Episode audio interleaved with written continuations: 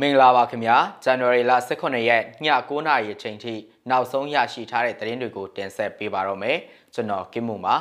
လီကြောင်းတိုက်ခိုက်မှုခံရပြီးနောက်စစ်ရှောင်ပြည်သူတွေနေရီထိုင်ရေးအခက်တွေ့နေတဲ့သတင်း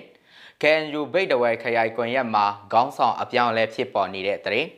ပြည်စည်းတခွန်မြို့နယ်ရင်းရှိစလင်ရက်ကွက်အုပ်ချုပ်ရေးမှူးယုံမုံပြစ်တိုက်ခိုက်ခံရတဲ့သတင်းနဲ့ရေကြီးမြို့နယ်နွားရီတိုက်ကျေးရွာမှာမှုခင်းသတင်းထောက်ဆိုသူတနတ်နဲ့ပြစ်ခတ်ခံရတဲ့သတင်း အစရှိတဲ့သတင်းတွေကိုတင်ဆက်ပေးသွားမှာပါ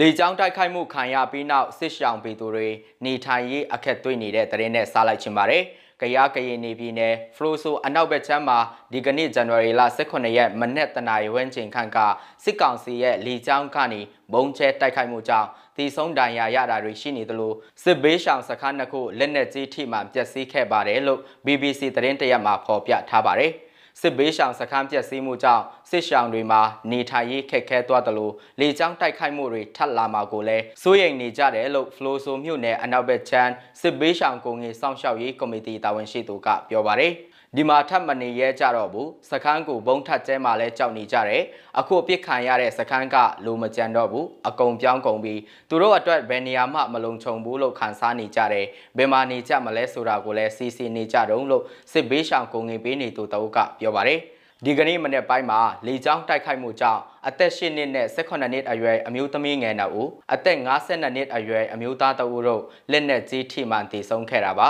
ဒီကနေ့မှာတည်ဆုံးသွားသူတွေရဲ့နာရေးကိုနှိချင်းဆောင်ရွက်ဖို့ရှိသလိုခိုကိုးရမဲ့ဖြစ်နေတဲ့စစ်ရှောင်းတွေကိုလည်းနေရာရွှေ့ပြောင်းရေးဆောင်ရွက်နေရတယ်လို့ဆိုပါတယ်ခင်ဗျာ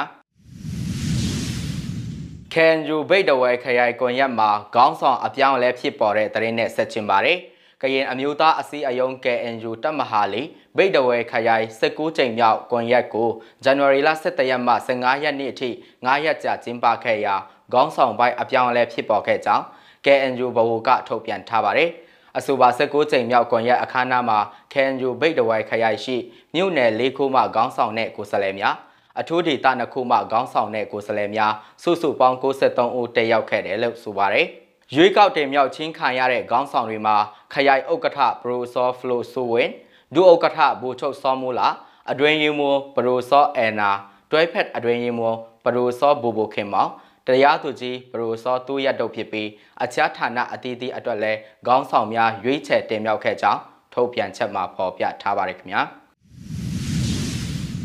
ပြည်ကြီးတခွန်မြို့နယ်အရင်းရှိစလင်ရက်ကွက်အုပ်ချုပ်ရေးမှူးယုံဘုံပစ်တိုက်ခိုက်ခံရတဲ့တရင်ကိုလည်းတင်ဆက်ပေးပါမယ်မန္တလေးပြည်ကြီးတခွန်မြို့နယ်အရင်းရှိစလင်ရက်ကွက်အုပ်ချုပ်ရေးမှူးယုံဒီကနေ့နေ့လယ်ပိုင်းကဘုံပစ်တိုက်ခိုက်ခံရပြီးစစ်သား2ဦးတည်ဆုံးတယ်လို့သိရပါတယ်။ စီးရုံကားတွေအများကြီးလာတာတော့တွေ့ရတယ်။ရက်ကွက်ရုံးအပေါက်ဆောင်တဲ့စစ်သားတွေဘုံထိမှန်ပြီးတီတာတွေလည်းရှိတယ်လို့သိရတယ်။ဖြစ်တုံးကစစ်သားတွေကတနတ်နဲ့အချက်ပေါင်းများစွာပြန်ဖြစ်လို့အပြင်တော်မထွက်ရဲတော့ဒါလောက်ပဲလက်တလောသိရတယ်လို့ဒီတာခန်တရင်ရင်းမြစ်တော့ကပြောပါတယ်။ပြည်စည်းတခွန်မြို့နယ်လမ်း130 55လမ်းနဲ့56လမ်းကြားမှာရှိတဲ့စလင်ရက်ကွက်အုပ်ချုပ်ရေးမှူးရုံးကိုဒီကနေ့နေ့လယ်2နာရီခန့်ကစိုက်ကယ်စီးလူတစုကလက်လုံဘုံနဲ့ပြစ်ခတ်တိုက်ခိုက်ခြင်းဖြစ်ပြီးအဲ့ဒီတိုက်ခိုက်မှုကိုမန္တလေးမြို့အခြေစိုက် Rangers of Manali နဲ့ YNO Manali PDF တို့ပူးပေါင်းလှုပ်ဆောင်ခဲ့တာဖြစ်ကြောင်း Rangers of Manali ကသတင်းထုတ်ပြန်ထားပါတယ်။ Rangers of Manali ရဲ့သတင်းထုတ်ပြန်ချက်အရရက်ကွက်ရုံးရှိတပ်ဆွဲထားတဲ့စစ်ကောင်စီလက်နက်ကင်များ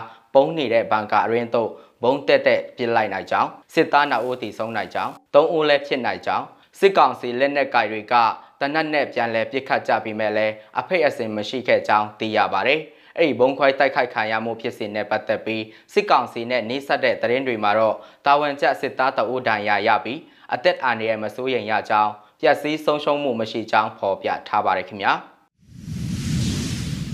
ရေကြီးမြို့နယ်နွားရီတိုက်ကျေးရွာမှာမူခင်းတရင်ထောက်ဆိုသူတနတ်နဲ့ပြစ်ခတ်ခံရတဲ့တရင်ကိုလည်းတင်ဆက်ပေးပါမယ်။အေယာဝတီတိုက်ရေကြီးမြို့နယ်နွားရီတိုက်ရွာမှာရဲတရင်ပေးလို့နာမည်ထွက်နေသူစန်းတင်းဆိုသူကိုအမေမသိတနတ်သမားတအုပ်ကဒီကနေ့ဇန်နဝါရီလ18ရက်မနေ့10နာရီဝန်းကျင်အချိန်မှာတနတ်နဲ့ပြစ်ခတ်သွားကြောင်းဒေသခံတွေစီကသိရပါဗျ။ပြစ်ခတ်ခံရသူစန်းတင်းဟာမူခင်းတရင်ထောက်အဖြစ်လောက်ကိုက်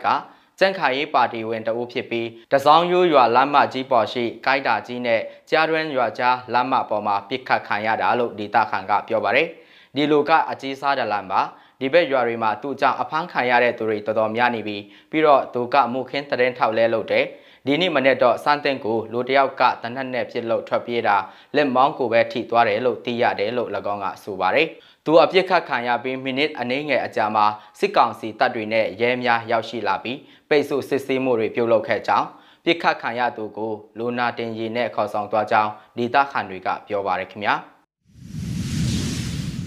မြစ်စမရဲ့ဇန်နဝါရီလ18ရက်ည9:00နာရီချိန်ထိနောက်ဆုံးရရှိထားတဲ့သတင်းတွေကိုတင်ဆက်ပေးခဲ့တာပါမြန်မာပြည်သူတွေကိုစိတ်နှဖျားစမ်းမချမ်းသာကြပါစေခင်ဗျာ။